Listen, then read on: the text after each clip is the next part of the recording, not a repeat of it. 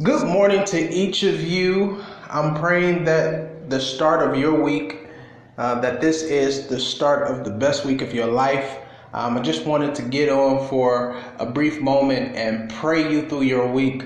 Um, I believe in starting each day with prayer, and I thought it'd be best to start by praying for those who um, tune in to this podcast. Um, so, without further ado, Spirit of the Living God, God, I come before you saying thank you for life, health, and strength. God, we thank you for seeing us through another day. God, many people who laid down last night and didn't get the opportunity to wake up today. So, God, we just want to say thank you and be uh, grateful for where you have us. God, somebody right now is listening to this um, podcast and they are needing um, to hear from you, God. I pray, God, that you begin to move in their life. Um, I pray, God, that you begin to answer questions, God. I pray that you will guide and be a roadmap in this life. Um, some don't know whether to go left or right, but God, we're praying, God, that you direct our paths. And God, I am praying for the individual who does not speak to you as often as they would like to, that they take this moment um, just to communicate in their own way, um, to talk to you, God, um, knowing that we don't have to have the biggest vocabulary, or we don't have to be the most educated, or we don't have to um, be the most spiritual holy, just to talk to you in our own ways, just to give you glory for the many things that you have done in our lives. So, God, I am praying for that male, that female who is troubled, dealing with depression, anxiety. God, that we speak against those things right now, that we will not allow mental illness to triumph and have victory over our lives. But God, we rebuke those things and the Son, in your Son, Jesus' name. God, that we will live victorious, that we will overcome, that we will be the heads and not the tails, that we will be the lenders and not the borrowers. God, somebody's trying to find their way. I'm praying right now that they find their footing. And God, that you will plant people. God, somebody is looking for a job opportunity. I'm praying, God, that you will lead them in the right way. God, that you will begin to open doors. That, God, that you will um, allow them to um, do what needs to be done in order for them to um, make uh, a substantial uh, ways way to live. So God, I am just praying God for wealth, prosperity, God that you would birth in us ideas, creativity, innovation, ingenuity, um, that someone even right now begins to overflow with magnanimous thoughts and ideas, so much so that they begin to embark on a endeavor that will lead them to a, a, larger salary that will catapult them into another tax bracket that will put them in the presence of CEOs and businessmen and entrepreneurs. Uh, because God, we uh, trust that you are able, God. We know that you are able.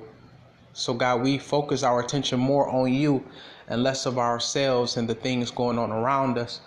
Uh, because we know the chaos of life can um, yield so many distractions and take us away from the journey in which you have called us to. So many times we get caught up on what we want to do for ourselves. And God, that's just our human error, God. So I ask that you forgive us for that and that we take away our own wills and that we begin to follow your will, God, the will that you have for our lives. God, I'm praying for those who are sick God, that you will give them strength.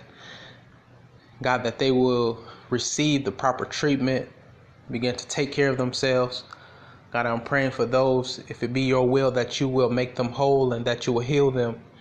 God, I'm just praying, God, for those who um, are less conscious of you, God, that they begin to turn from their own ways and that they begin to repent, not just um, the mustering up of words to say, I repent, but the change of action and behavior and begin to turn from the things in which are not of you.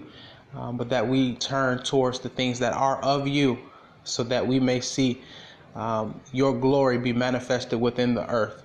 God, I'm praying for families that I am continually continually praying for families to be restored, that uh, mothers and fathers will be united with their children, children will be re- reunited with their homes, and God, that you will begin to knock on the hearts of our leaders that lead these United States. God, I am praying for each country.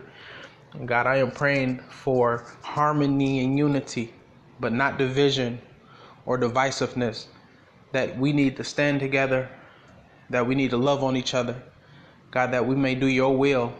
God, that we will begin to enact and, and, and act out your um, your word as you told us, God, to um, put clothes on those who need clothes and that give food to those who are in need of food and that we will begin to give drinks to those who are thirsty. And God that we for not forget about those who have been locked away and forgotten about. But God that we even pray for them who have been sentenced that even in this time uh, no matter what crime they have committed the bad deed in which they have done that you put forgiveness on their spirits to know that they are forgiven. And and that they still can accept you and receive your forgiveness, your love, your grace. For God, it is your grace who saves each and every one of us. It is your mercy that spares us. So, God, we are praying for the land. I am praying for your people. I am praying that we receive answers, God. I am praying that we receive your glory. I am praying, God, that you will bless us in such a way that we can only say that it is God, not ourselves, not our boss, but it is you, God, who is blessing us. It is you, God, who is in control. That even when we see things that we can't understand, even when evil looks as if it is prevailing, we can understand that God is still in control. God, you are still making a way. God, you are still the author and the finisher of our faith. So, God, I pray this prayer, praying that it falls on the ears and in the spirits of your people. In your son Jesus' name, I pray. Amen. I pray that you will receive this prayer and that you will begin to build an even greater relationship with your God. I pray that this week uh, begins to manifest great things. I'm praying that you will begin to see God on a whole new spectrum. And I'm praying for the prosperity of your week. Go in love, go in strength. Peace.